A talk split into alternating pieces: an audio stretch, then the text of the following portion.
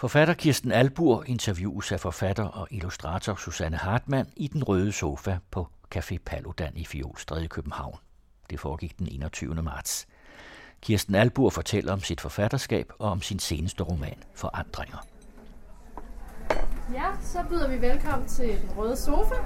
Dagens hovedperson er Kirsten Albur, som normalt er skriver børne- og ungdomslitteratur. Men i dag vil øh, interviewet dreje sig om hendes voksenroman Forandringer. Som interviewer har vi Susanne Hartmann, som er børnebogsillustrator. Velkommen til. Ja, Kirsten, jeg kender dig jo som en myreflittig forfatter til masser af letlæsnings- og billedbøger, og det er jo der, vi kender hinanden igennem i vores samarbejde. Jeg er som illustrator, og du som den skrivende. Men som der lige blev sagt, så skriver du jo også andre ting. Og det glæder jeg mig meget til at høre dig fortælle noget om. Hvad debuterede du egentlig med? Øh, jeg debuterede i 1985 Ja. med en ungdomsbog, der hed Skal vi danse? Og den var jeg faktisk ret heldig med, for den kom i 11 oplag. Og det er jo ikke ret tit i dag, at bøger kommer i 11 oplag, men dengang, der var det sådan, der, der, der kunne det lade sig gøre, at den kom. Ja. Og den kom faktisk over 20 år, inden den udgik igen. Ja, det var fantastisk. Hvad var så din målgruppe der? Det var unge, Det var unge, ja. øh, specielt unge øh, udlændinge, som skulle lære dansk, som jeg så skrev ungdomsbogen for. Ja. Og så unge, der havde svært ved at læse og tage sig sammen til at læse og sådan noget. Så det var egentlig, fordi jeg var indvandrerlærer på det tidspunkt, og så Ja. havde jeg en klasse med nogle rigtige bagryler, nogle unge fyre, som absolut ikke ville høre efter, hvad jeg sagde. Og så fandt jeg på at, at sige, at hvis de sad pænt på stolen, så kunne jeg skrive et kapitel hver uge. Og så, øh, og så kunne de være med til at bestemme, hvad der skulle ske.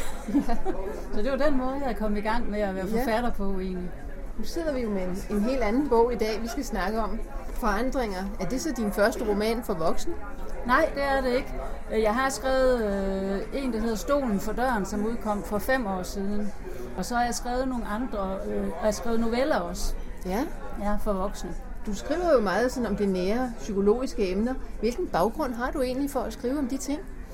Jeg er uddannet psykoterapeut og har haft egen øh, klinik med speciale i parforhold og seksualitet i, i 15 år. Og så er jeg også uddannet lærer øh, og har arbejdet i 17 år med flygtninge og indvandrere. Der er virkelig meget at trække på, det kan jeg godt høre. De øh, tidligere psykologiske fagbøger, du har skrevet, for eksempel den der Lyt til dig selv og ikke i aften, øh, skat, det er jo så mere, ja, som jeg sagde, fagbøger, men hvorfor så en roman lige nu? Hvad har fået dig til ikke bare at skrive forandringer som en fagbog? Jamen det er fordi, jeg synes, da jeg skrev fagbøgerne, så manglede der et eller andet, hvor jeg kunne komme helt ind i følelserne omkring, øh, hvordan det er, når der er problemer i ægteskabet, og hvordan det er, når der er problemer i seksualiteten og med børn og sådan noget. Det er en ting at skrive om noget fagligt, det er noget helt andet at skrive om nogle følelser, hvor man sådan med hovedpersonen kan gå helt ind i personen og Ja. beskrive, hvordan det føles for eksempel at gå en tur i skoven, hvor manden ikke vil tage ens hånd eller et eller andet. Det rammer på en anden måde, end hvis man skriver noget fagligt. Det kommer meget ind under huden på Ja. den måde, det vil jeg give dig ret i. Hvem er så din målgruppe til bogen her? Det er øh, kvinder 45 plus. Fordi at min hovedperson, Anne i øh, Forandringer, hun, hun er øh, der omkring 50 års alderen eller sådan noget. Og, og fordi meget af det handler om den periode, der er ved overgangsalderen og sådan noget, så er der jo mange kvinder, der vil kunne ikke genkende til næsten alle emner i den bog, tror jeg. Men jeg har også hørt, at der er mange helt unge piger, der synes, den er spændende. Og det kom noget bag på mig. Men det var fordi, at de siger, at de kan genkende deres mor. Det var morsomt. Ja. Ja, jamen det er jo også fantastisk, fordi der er så mange forandringer i bogen, som du kommer ind på. Anne lever jo i et helt almindeligt kernefamilie til synlædende, og alt er jo som det skal være, lige indtil forandringerne tager over. Hvilke forandringer er det blandt andet, du så har, har skrevet i Annes liv? Åh, der er simpelthen så mange forandringer, men i virkeligheden er det de forandringer, som vi alle sammen mere eller mindre gennemgår, når vi kommer op omkring de der 45, 50, 55 år. De forandringer, der sker med vores krop, når vi ældes, de forandringer, når man kommer ind i overgangsalderen og mister menstruationen, og måske mister lysten til sex, som det sker i tilfældet i den her bog. Der kan være forandringer i parforhold, når børnene flytter hjemmefra, og man pludselig ikke er en kernefamilie på fire derhjemme, øh, men pludselig er to. Det kan være øh, forandring med, at de gamle forældre bliver øh, syge, demente eller dør. Så der sker faktisk rigtig meget i, i den periode der for, for mange kvinder. Ja, jeg føler også, at Anne er, er en meget klemt kvinde. En, en klemt generation, kan man sige, netop fordi der bliver stillet krav til hende fra alle sider. Ikke alene hendes kropsforandringer, men også det, at, at hun er, skal sige farvel til sine børn, men de kræver hende stadigvæk. Manden kræver hende som elskerinde og, og kone, og hendes forældre er også begyndt at kræve hende på en helt anden måde end tidligere. Så det er jo bestemt noget, vi kan genkende alle sammen, os der sådan er i, i den middelalderlige alder. Ja, ja. Du har valgt en meget speciel forside, synes jeg. Den øh, viser et vinglas. Der ligger et, øh, et navneskilt i, der står Gert på. Navnet er ovenikøbet ved at, at flyde lidt ud i bunden af vinen, ved at blive opløst i den her vin. Der er efterår. Der er sådan lidt tristesse over det på sin vis. Og så ligger der en guldkæde. Hvorfor i alverden har du valgt lige præcis sådan et billede til din forside? Jeg synes, at forsiden symboliserer meget, hvad, hvad, hvad der sker i den her proces, hvor forandringerne sker. Efterårsbladene er selvfølgelig efteråret i livet, ikke? hvor man, når man kommer op omkring de 50, så er, det, er man på vej ind i livets efterår. Og så øh, er Anne gift med Gert. Og en stor del af, af plottet foregår omkring øh, deres sølvbryllup, hvor, hvor de hvidvinsglasset ligesom symboliserer sølvbrylluppet, hvor forholdet mellem hende og Gert er ved at gå skævt. Ja. Og øh, guldkæden den har en meget stor betydning hele vejen igennem bogen omkring, om, om Gert nu er tro eller ej i forhold til Anne. Det kan jo også byde på forandringer. Om, ja, utroskab. Ja, netop. Ja. Det er jo også et meget stort emne, som ja. man kan skrive mange bøger om. Du har jo så kommet lidt ind på, hvad, hvad bogen handler om. Blandt andet det der med at give slip på sine store børn. Og jeg tænkte på, om du havde lyst til at læse lidt op fra bogen her. Ja, for det er jo nok også det, som mange, øh, måske især kvinder, kender til. Det der med at skulle give slip på sine børn, når man har været vant til at være mor med stort M, ikke? og man har været centrum, og man har været på ferie med sine børn gennem hele livet, og så pludselig så flytter børnene hjemmefra, eller vil noget andet selv, eller vil til festival, eller hvad det nu kan være.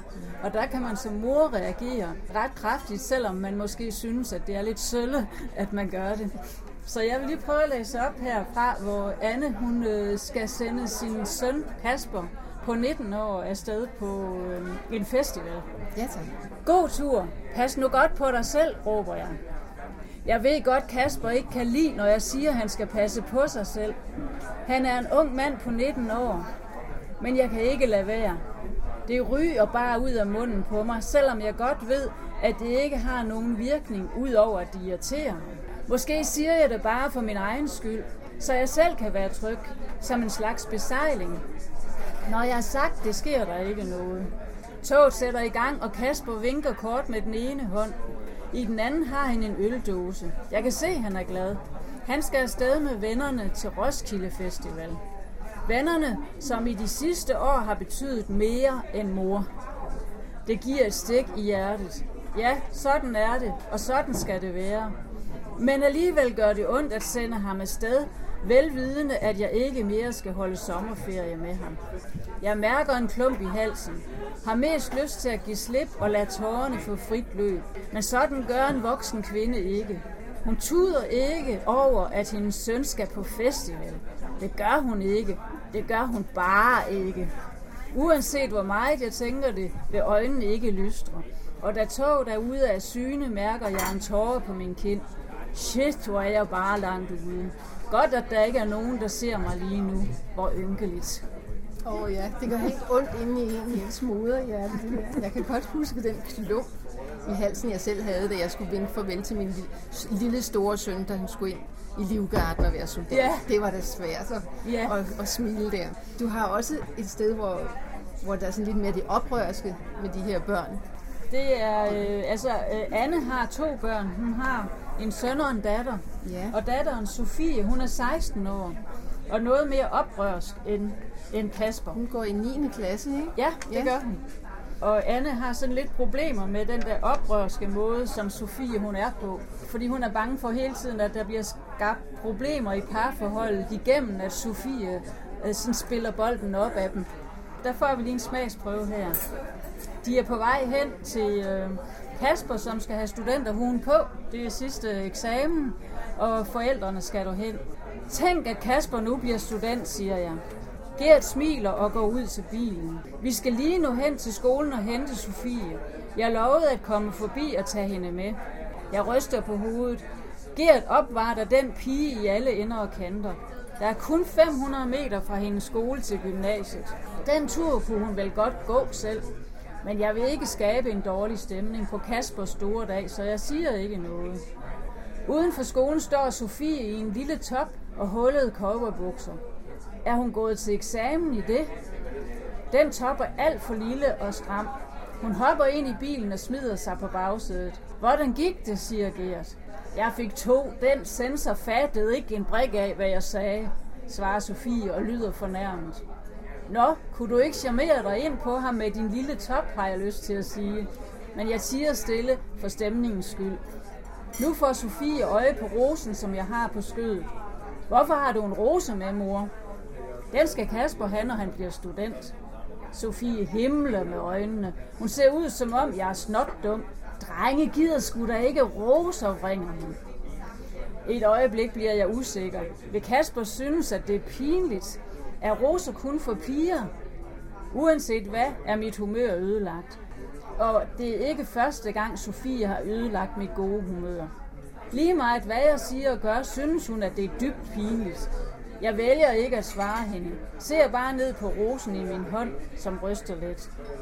Sofie fortsætter uanfægtet. Med nedladende stemme siger hun, er det ikke psykologi, han er oppe i? Han får garanteret 12. Han er så fucking god til at analysere os andre. Det er bare fordi du er teenager. Så gør du oprør mod alt og alle i hullede bukser, siger han til mig. Sofie prøver at efterligne Kaspers måde at tale på. Det er tydeligt, hvad hun mener om ham og hans analyser. Jeg har lyst til at vende mig om og sige, at han faktisk har ret. Men igen vælger jeg at sige, et skænderi med Sofie er ikke lige det, vi har brug for nu, hvor vi skal ind og fejre Kasper.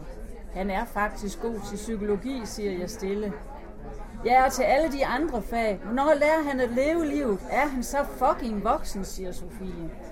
Er du nu noget galt med at være voksen, spørger Gert. Ja, datteren er god til at spille folk ud mod hinanden, også sine forældre. Hun spiller jo også faren lidt ud mod moren. Og de har jo også et lidt anstrengt forhold på, i den her bog. Det har de, ja, fordi der, der er jo problemer i parforhold, det må det, man jo sige. Ja, det er det. Det kører jo ikke så, helt så romantisk, som, som Anne drømmer om. Nej. Det, der er nogle steder, jeg synes er helt hjerteskærende, når hun længes efter en, en varm arm om skulderen, eller lidt forståelse, eller en, en kærlig hånd, eller sådan. Der er nogle forandringer på vej i deres forhold også, det mærker man meget tydeligt. Jeg tænker på, om du vil læse et lille stykke her fra kapitel 9. De taler jo mindre og mindre sammen, og der er, altså sex, det er pludselig sådan et eller andet, man skal betale med, og det er ikke særlig romantisk. Nej, altså det, det er jo noget, jeg som parterapeut har oplevet meget, fordi at jeg har, øh, jeg har jo i 15 år siddet med speciale i parforhold og seksualitet, og der oplevede jeg, at der var rigtig mange, der kom til mig som par, når de kom i overgangsalderen, fordi det sit var, at kvinden så mistede lysten, og at manden synes, det var rigtig irriterende og træls. Og der må jeg sige, der trækker jeg meget på noget af det, som jeg ved som terapeut, altså hvordan folk de reagerer hjemme under dynerne, når den problemstilling den er der. Ja, der har været her. mange brevkasse spørgsmål om det, kunne jeg forestille mig. Det har det i hvert fald været. Vinden rusker i træerne, og det drøber let fra de våde grene, mens jeg sparker til de gule og røde blade, der ligger i skovbunden. Det er sidst i september, og efteråret er på vej. Også i mit sind. For stemningen mellem Gert og mig er trykket. Jeg ser op på ham og rækker en hånd ud til forsoning. Men lige da jeg vil tage hans hånd, trækker han den til sig og putter den i lommen. Min hånd flager som en forvildet sommerfugl frem og tilbage foran hans lomme, som jeg ved er forbudt område. Når hans hånd er der, skal jeg ikke prøve at få den op. I de første år, jeg kendte ham, kunne jeg godt finde på at lade min hånd glide ned i hans lomme for at fiske hans op. Men det faldt aldrig i god jord, og nu ved jeg, at jeg skal holde mig på afstand. Jeg lader min hånd falde ned til siden og mærker afvisningen helt ind i hjertet. Alt er tydeligt påvirket af nattens skænderi, og det virker nærmest umuligt at få stemningen vendt. Især fordi opgaven udelukkende ligger på mine skuldre. Gert gør ikke det mindste for at være positiv. Snart gør han det modsatte, for jeg har afvist ham i sengen. Mine slimhinder er blevet for tørre. Det sviger som ind i helvede, når vi er sammen, og jeg har altså ikke lyst til at få ondt. Desuden er jeg altid træt, og når vi lægger os til at sove, det er også alle de børn. De tager så hårdt på mine kræfter. Jeg er jo ikke 30 mere. 26 år som pædagog er det blevet til, og det kan mærkes. Jeg har ikke længere den samme glæde og det samme overskud som før. Men det hjælper ikke at tale med Gert om det. Han kan ikke se nogen sammenhæng mellem min overgangsalder, mit arbejde og så min lyst til sex. Lyst er bare noget, man har, siger Gert, og det står ikke til diskussion. Anne har jo også et par forældre, der volder hende nogle bekymringer, i hvert fald mange tanker i bogen her.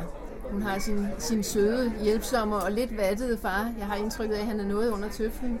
Og så et temmelig problematisk forhold til sin mor, som har brugt så, så ufine knep som at true med selvmord undervejs i, i deres samliv. Det viser sig jo så senere, at hun har lidt af migræne, så det har måske ligget en forklaring der. Men nu er forældrene blevet gamle og skrøbelige, og det handler din bog jo så altså også om, om forholdet til den ældre generation. Jeg synes, det er meget fantastisk, om du får fat i det, fordi det er jo også noget, som, som berører os.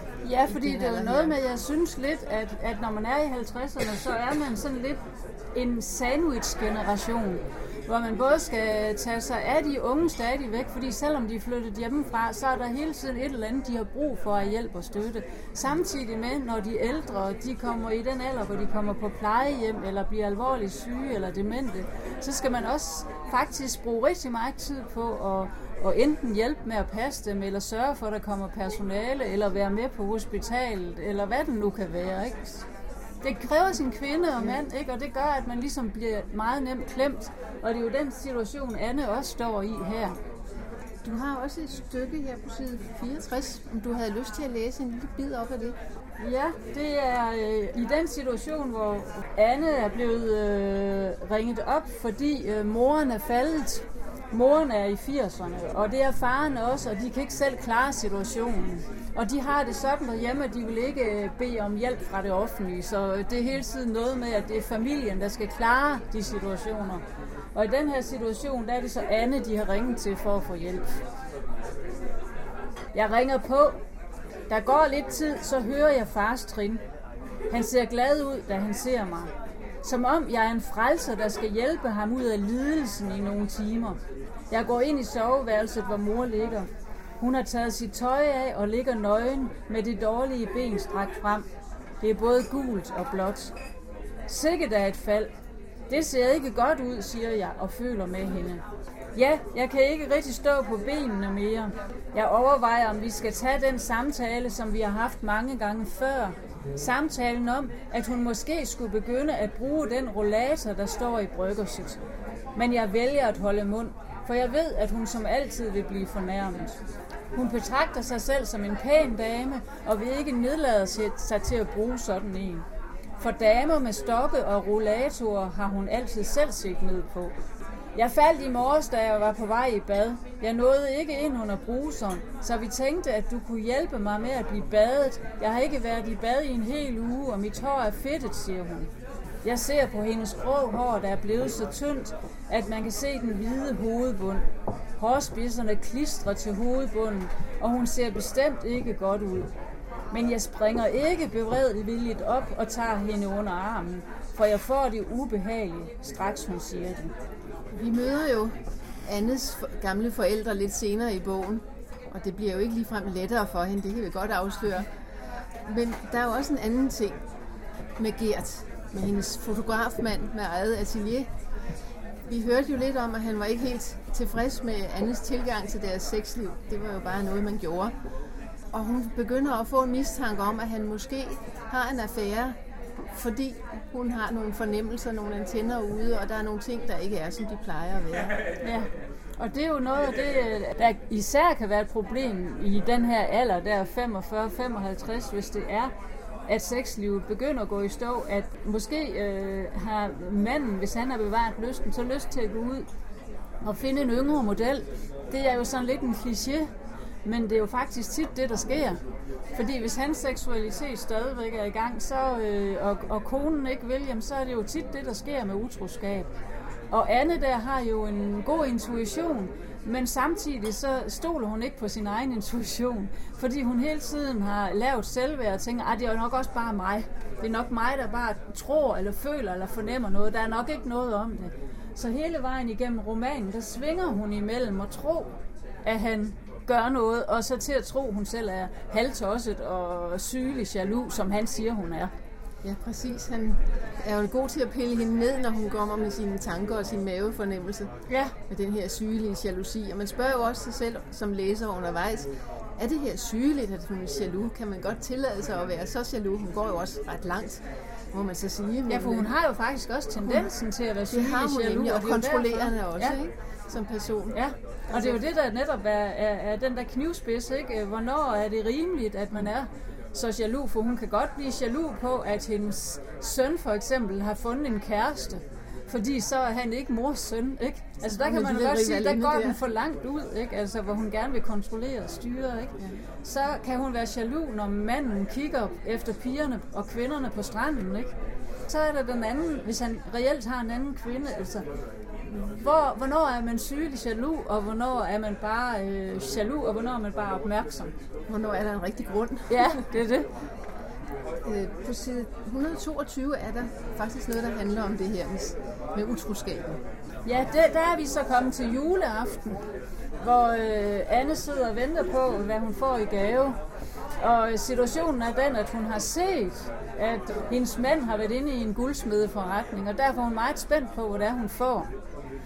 Nu sidder de så, og der er ikke ret mange gaver tilbage under træet, og hun har ikke fået noget for den guldsmedeforretning. Gaverne under træet forsvinder en for en, og nu er det Gerts tur til at åbne gaven fra mig. Han smiler, da han ser det fine ur. Han tager det ud af æsken og prøver det. Længden er lidt for stor, men det kan rettes til.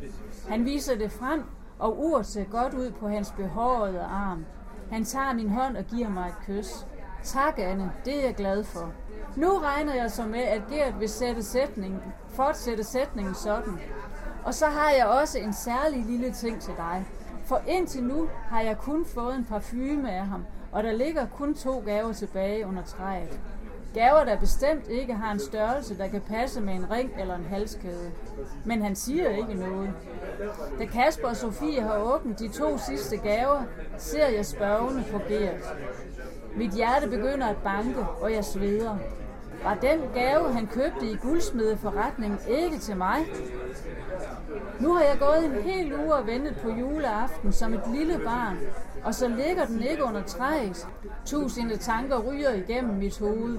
Sofie sidder og kigger på sin bærbare. Kasper ser på et par DVD'er, Sofie har købt til ham, og Gert er fordybet i en bog. Jeg selv sidder som forstenet. Jeg får igen fornemmelsen af, at han har noget kørende ved siden af. Har han mødt en anden kvinde til julefrokosten? Er det hende, der har fået gaven? Eller har han et forhold til en af sine kunder? En af de kvinder, han har fotograferet uden tøj på? Hvad ved jeg i bund og grund om, hvad han går og laver? Måske skal jeg en af dagene gå ind og tjekke hans mail, eller måske hans mobil. En ting er i hvert fald sikker. Gaven var til en anden. Jeg begynder at ryste og går ud på toilettet, for at børnene ikke skal opdage noget. Jeg sidder på toiletsædet og prøver at finde ro. Jeg bliver nødt til ikke at lave en scene. Kasper og Sofie skal ikke opdage noget. Jeg tager mig sammen, kommer koldt vand i hovedet og går ind i stuen til de andre. Nå, men jeg er ved at være træt. Jeg tror, jeg går i seng, siger jeg, uden at se på Gert. Han er helt opslugt af bogen, og først hører han ikke, hvad jeg siger. Men da Kasper og Sofie råber godnat og tak for en god aften, ser han op fra bogen og lægger den til side. Hov, vent lige et øjeblik. Der er noget, jeg har glemt, siger han med et glimt i øjet. Så stikker han hånden ned i lommen og trækker en lille, fint indpakket gave frem. Min verden står helt stille. Jeg stiger på pakken, som var den redningsplanke midt i et oprørt hav. Og ja, det er den nok også. Pakken er et symbol på, at jeg har taget fejl. Jeg, store idiot, har endnu engang taget fejl. Jeg har en alt for livlig fantasi. Det siger Gert, og han er ret. Jeg rækker taknemmelig hånden frem og tager imod gaven. Ja, der var juleaften jo lige pludselig reddet. Ja. Men, men, men. Det er ikke nok. På side 122, der er vi jo kommet lidt længere hen i historien. Omkring Anne og hendes tanker med smykker og lignende. Ja, ja, og det var jo det, jeg henviste til i starten med, øh, med guldsmykkerne der, som, Ja, med altså, som, som, som faktisk symboliserer mistanken om utroskab. Er han utro eller ej? Er halskæden til hende eller til en anden? Hvad er der sket? Hun får sin ring. Mm. Og det hjælper jo lidt, et stykke tid i hvert fald. Ja. 129, vi er kommet til. Om utroskab. Der er der jo så sket noget med deres sølvbryllup. Ja, Det er jo en meget dramatisk historie. Ja, fordi at jeg kører jo dramatikken øh, op til sølvbrylluppet, fordi det hele tiden er noget med, om hun overhovedet vil holde det sølvbryllup med Gert, når hun er mistænkt, har mistænkt for at være utro. Men alligevel kan hun ikke bevise det, og meget tror hun jo, at det er hendes egen skyld, og at det er bare hendes livlige fantasi. Men alligevel har hun så meget kontrol på, at hun har brug for at vide, om hun faktisk kan regne med ham eller ej. Men eftersom hun ikke kan finde ud af det, så vælger hun at gennemføre det der sølvbryllup. Og så er det jo bare, at hun under selve sølvbrylluppet lige opdager, at hans mobiltelefon ligger løs på øh, en stol, mens han er i bad. Det er jo også en fristelse. Det er en fristelse, og eftersom hun har det der kontrolgen, så øh, kan hun altså ikke lade være med at gå over og se på den mobil få timer før, at hun skal holde sit sølvbryllup. Og det får fatale resultater. Det gør det, ja. sige, ja. For festen. Det gør det, ja. Det er svært at, at stå model til den forløjethed. Og der kommer Det jo er i også... hvert fald ikke nemt at skulle hen og smile og tage imod 50 gæster samtidig med, at man lige har opdaget, at ens mand er utro. Nej, jeg føler med hende. De kommer jo til, at de skal have en skilsmisse på banen. Mm. Det er i hvert fald det, der bliver talt om Ja, omkring, omkring forholdet og hvad der, hvad der nu sker omkring det. Øh, på side 182, der har du skrevet noget om, hvordan begrebet skilsmisse, hvordan det skal få fort, øh, blive fortalt til børnene. Ja, og det er jo noget af det, som jeg, når jeg var parterapeut der i mange år, så var det jo noget af det, jeg var meget opmærksom på. Det var, at folk var øh, selvfølgelig meget ked af, at de skulle skilles, men noget af det, de synes var allersværest, det var, hvordan sådan siger man det til sine børn? Hvordan forklarer man sine børn, uanset om det er små børn eller voksne børn, øh, øh, at nu skal man skilles, og nu er kernefamilien ligesom i opløsning. Øh, og det kan jo tit være svært, hvis det er, at den ene part er årsag til det. Altså at man samtidig skal være lojal over for hinanden. Og hvordan reagerer børnene så på det, ikke? Ja. Og der kan jeg godt prøve at læse op herfra, hvordan øh, det foregår, da Anne og Gert skal fortælle det til Sofie. Sofie er i mellemtiden kommet på efterskole, så hun bor ikke hjemme mere, men hun er hjemme på weekend og får nu at vide, at de skal skilles. Da Sofie kommer, går jeg ud i entréen med et stort smil og giver hende et knus. Det er dejligt at se hende igen. Vi har ikke været sammen siden dagen efter sølvbryllupsfesten. Straks Sofie har sat sine ting ind på sit værelse, kalder vi hende ind i stuen. Vi har noget, vi skal snakke med dig om, siger Gert. Og Sofie er hurtig. Hun ser først på Gert, så ser hun på mig. Skal I skilles? Ja, det skal vi. Og vi bliver nødt til at sælge huset, siger jeg. Sofie ser helt forkert ud i hovedet. Men hvad så med mit værelse? Jeg kommer jo hjem igen, når efterskolen er færdig, siger Sofie. Så får du et andet værelse. Far og jeg skal nok sørge for, at der er et værelse, du kan bo i, siger jeg, og sender mit mangeårige medlemskab af en boligforening en kærlig tanke. Men jeg kan jo ikke bo to steder. Nej, men det finder vi ud af. Vi ved ikke, hvor vi skal bo nu, siger Gert. Sofie stiller et par spørgsmål mere. Så går hun ind til sig selv. Lidt efter kan jeg høre, at hun taler i telefon. Hun har nok ringet til en veninde for at dele det med hende. Det kan heller ikke være let at være 16 år og få sit barndomshjem splittet op. Gert og jeg er blevet enige om ikke at fortælle Kasper noget, før han kommer hjem. Der er ingen grund til, at han skal bruge sin ferie på at spekulere for meget over det. Men ligesom det var svært at sige det til Sofie, bliver det også svært med Kasper. Børnene mister jo både deres barndomshjem og den lille kernefamilie. Vi må prøve så godt vi kan at gøre dem trygge ved den nye situation. En time senere kommer Sofie ind til mig i stuen. Jeg sidder med en liste over ting i huset, der skal deles. Da hun sætter sig, lægger jeg papirerne væk og ser på hende. Hvor er far? Han er kørt igen. Han bor hos en kollega for tiden. Men du kan da ikke bare smide ham ud, mor. Han har selv valgt at flytte. Som vi har det nu, kan vi ikke bo sammen. Pludselig er det som om fanden tager fat i Sofie. Hun rejser sig op og skriger, mens hun slår ud efter mig. Du kan ikke bare lade ham rejse, græder hun. Jeg tager fat i begge hendes hænder og holder dem fast, så hun ikke kan ramme mig. Så ser jeg på hende. Du kan tage ned og besøge ham, hvis du vil. Far sagde, at du bare kunne komme, lige inden han kørte. Jeg skal sgu ikke besøge min far på et lorteværelse, råber Sofie og går. Jeg tager mig til hovedet. Det er ikke let, det her. Vi er jo sprunget lidt let hen over alle de diskussioner, der selvfølgelig der har været med, mellem øh, Gert og Anne, inden de er nået hertil. Øh, der er blandt andet en, en meget dramatisk drømmesituation, kan man næsten tænke sig til, hvor, hvor Anne står med en kniv og, og har, har mortanker. Der er en anden situation omkring en GPS, hun får installeret i bilen, da hun skal til at finde ud af, hvor han befinder sig sammen med sin elskerinde. Jeg tænker, øh, Hanne Bæk Hansen har gjort det, Sara Blædel, Anna Grue, Grete Lise Holm, de skriver krimier. Du kunne også have skrevet en krimi ud fra de her ting, men det er det ikke blevet til. Nej, altså forlaget sagde faktisk dengang, jeg skrev bogen, at de gerne ville kalde den en ægteskabskrimi. For de ville så gerne have det der ord krimi ind, fordi de synes næsten, det er en krimi med den måde, vi har en detektiv, som jo er Anne, der på alle måder undersøger, både med GPS og, og med mobiltjek og alt muligt andet, hvad hendes mand nu laver. Men jeg synes, jeg var lidt træt af det der med, at alting skulle være krimi. Fordi øh, altså for mig er en krimi noget andet.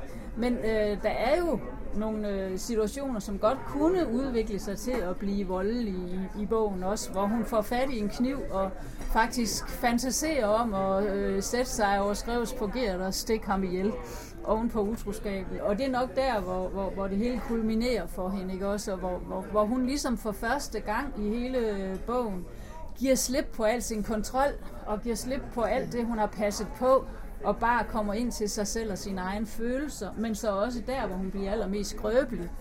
Hun bliver jo helt bange for sig selv, at hun har så mange voldsomme følelser, kan jeg forstå. Ja. Men det er jo også det, der gør hende stærk, mærker man sidenhen, og det er jo det, der gør bogen så positiv en oplevelse at læse.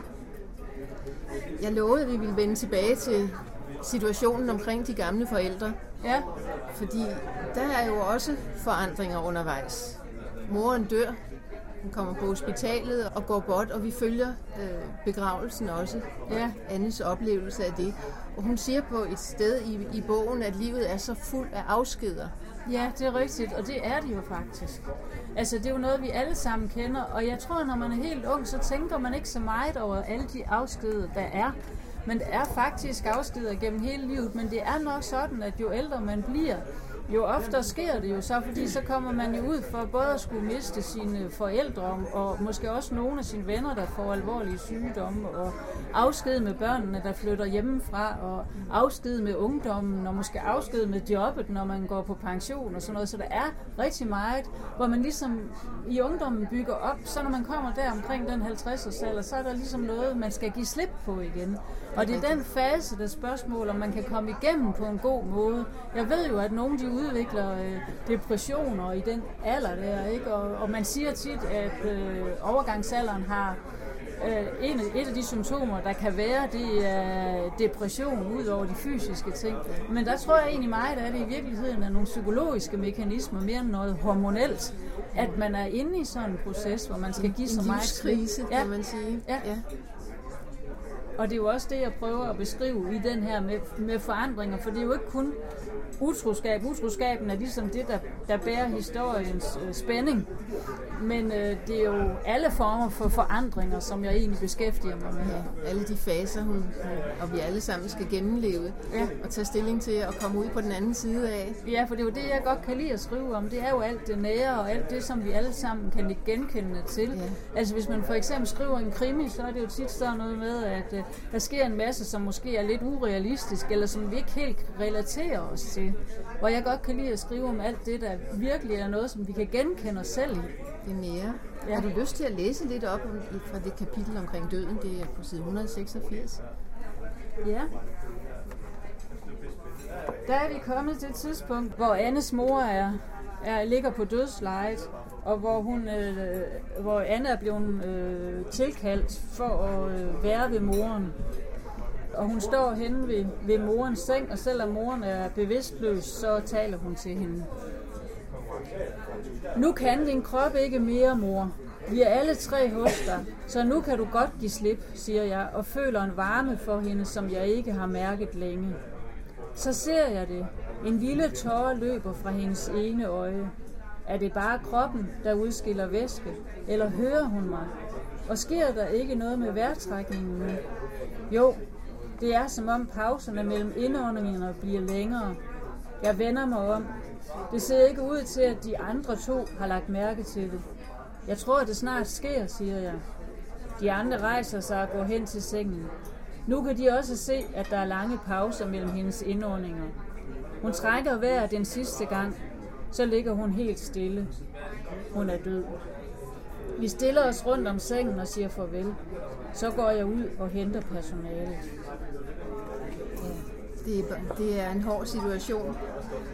Jeg synes jo, det er dejligt alligevel at mærke, at Anne kommer igennem de her livskriser. Hun er jo en, en, en sej kvinde, kan man sige der er parat til at kæmpe for, for livet, og er optaget, også optimist, selvom hun indimellem synes, at det hele er noget frygteligt noget. Ja, hun, hun, hun har jo et eller andet sted et håb om, at tingene bliver anderledes, ikke ja. også? Og hun er jo glad i bund og grund for sine øh, børn, og hun er jo også et eller andet sted glad for Gert, selvom at det er, at der er kriser, selvom hun bliver nødt til at gå fra ham, ikke? Altså, hun er også meget glad for sin søster, som vi ikke har været inde på, men så hun har jo mange ting at være glad for. Hun har nogle støtter i livet ja, også. Ja, det har hun. hun kommer jo også videre. Ja. Det gør hun jo trods alt. Og og kommer også på ferie og begynder at, at se lidt lyst på tilværelsen, så man kan se, at hun skal nok få en, et godt liv. Mm. Både med, med søster og veninde og, og eksmand og børn og alt, hvad der, hvad der jo er en del af hende. Ja, altså det er ligesom, jeg beskriver det lidt ligesom sådan en fase, som jeg tror rigtig mange kvinder oplever at, at det er en proces, hvor man skal give slip for at kunne tage imod noget nyt. Og jeg synes tit, jeg mange år spekuleret over, hvad er overgangsalderen egentlig en overgang til? Er det til at blive gammel, eller hvad er det overgang til? Jeg synes hele tiden kun man hører om overgangsalderen, og så ikke mere. Som om det er et frygteligt ja. negativt sort hul. Men i virkeligheden, så er det jo mulighed for en forandring til, at man kan begynde at tage vare på sig selv også, og være god i sig selv og øh, få tid til at dyrke sine interesser igen, som man kunne, før man fik børn og sådan noget. Så det er jo også et spørgsmål om, hvordan man vender det hele, og hvordan man ser på det, hvordan man takler det. Du har øh, her på side 218 skrevet lidt om, om håbet for fremtiden, kan man sige. Ja, har for jeg synes jo også, at læse skal... det som den, den sidste oplæsningsbid? Ja, for jeg synes jo også, det er vigtigt, at der midt i alle de forandringer er et håb. Og, og nu er vi jo så kommet dertil, hvor, hvor Anne hun øh, begynder at være god i sig selv og tillader sig at tage lidt på ferie og tillader sig lidt wellness og massage og, og så videre og nyde livet. Så hun har faktisk givet sig selv et, et weekendophold på et hotel helt for sig selv. Jeg rejser mig fra massagebriksen og føler mig som født på ny. Så går jeg hen i spagen og sætter mig. Da jeg langsomt lader kroppen synke ned i det varme vand, udstøder jeg et nydelsens suk. Da jeg ser op, opdager jeg en mand, som sidder i spagen og smiler bredt. Han sidder med sit våde, tilbagestrøgende hår og sine brede armmuskler og ser på mig. Nu genkender jeg ham. Det er manden med hunden. Ham, som jeg mødte inde i skoven i eftermiddags. Der er nok nogen, der nyder livet, siger han. Jeg smiler og nikker. Så lægger jeg hovedet tilbage på spagens kant og lukker øjnene, mens jeg nyder de varme bobler, der rammer min krop. Da jeg åbner øjnene igen, lægger jeg mærke til, at manden stadig ser på mig. Er du på ferie her på hotellet alene, spørger han. Ja, jeg har givet mig selv en tiltrængt lille ferie. Og så arbejder manden derhjemme imens. Der er ingen mand. Ikke mere. Så må jeg måske byde på en kop kaffe i pejsestuen i aften. Først skal jeg til at sige nej tak. Jeg har jo lovet mig selv et ophold helt for mig selv. Men så ser jeg på ham. Der kan vel ikke ske noget ved at takke ja. Han virker sød og venlig. Så jeg nikker, og vi aftaler at mødes klokken 9. Jeg hedder Nils, siger han, og rækker mig sin våde hånd. Anne, siger jeg og smiler. Hun skal nok blive glad igen. Vi har været lidt inde på, hvor du har fået inspirationen fra. Jeg kunne forestille mig, at det var meget gennem dit arbejde og dine brevkassespørgsmål, men er der også noget selvbiografisk i det? Altså selve hovedhistorien med en øh, Anne, der øh, har en øh, mand, som er utro, og, øh, og en oprørsk øh, datter osv., det øh, er ren fantasi.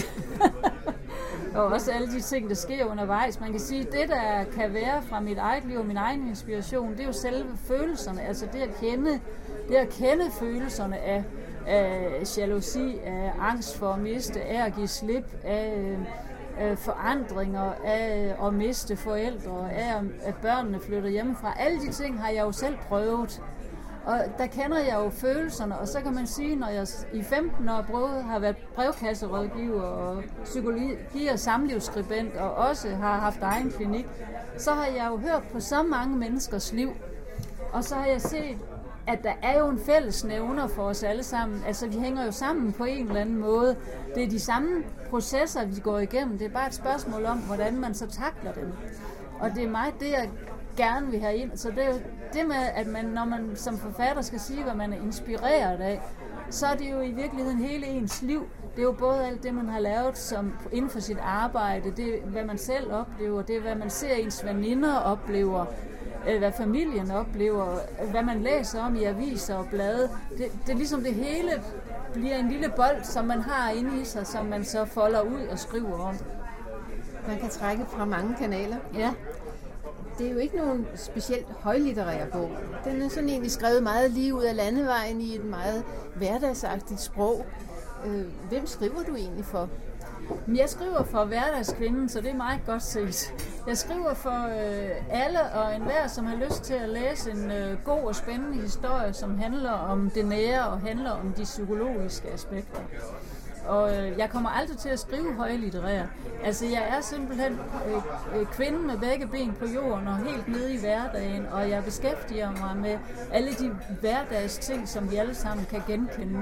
Og det skal skrives på en måde, så folk kan forstå det med det samme og føle med det, og, og føle næsten, det var mig selv, der kunne fortælle den her historie. Ja, det er dejligt med al den genkendelighed, der er i den, ja. uden man skal føle sig hægtet af. Tror du også, den kommer som e-bog på et tidspunkt? Det er jo blevet ja, så moderne. Den er allerede som e-bog. Det har den faktisk været i et halvt år, så den er, ja. kan både købes som e-bog og lånes på e-regionen nu. Så, øh, så, og, og muligvis kommer den også som lydbog. Det kan jo næsten ikke være bedre. Nej. Du har 265 bogudgivelser bag dig, har jeg fundet ud af. Ja. Det er jo ikke så lidt. Nej, det vil blive mange. Dine bøger, de er også nået til andre lande. Ja. for eksempel. Jamen, jeg har været rigtig heldig i Sverige. Der har jeg 40 bogudgivelser nu. Og der er jeg faktisk kommet på den liste over dem, der er mest udlånt i Sverige. Vi er 100 på den liste. Og der er vi kun tre danskere. H.C. Andersen og mig og Josefine Ottesen. Så jeg er jo i godt selskab. Ja, det må man sige. Det var Louise L. Møller, der havde tilrettelagt Den Røde Sofa.